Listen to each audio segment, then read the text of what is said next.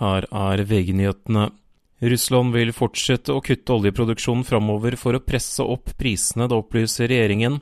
Russland vil starte med å redusere produksjonen med 350 000 fat olje per dag i april, for deretter å redusere ytterligere utover året.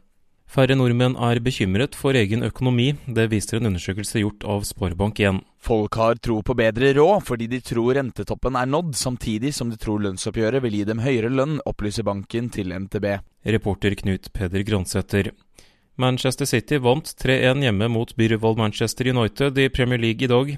City fikk en tung start på kampen etter at Erling Braut Haaland bommet på åpent mål. Haaland sikret likevel seieren med en skåring på overtid. Minst 36 mennesker er døde og 50 skadd etter kraftig regn og flom i Pakistan. Flere hus er ødelagt og veier er blokkert, bl.a. pga. jordskred.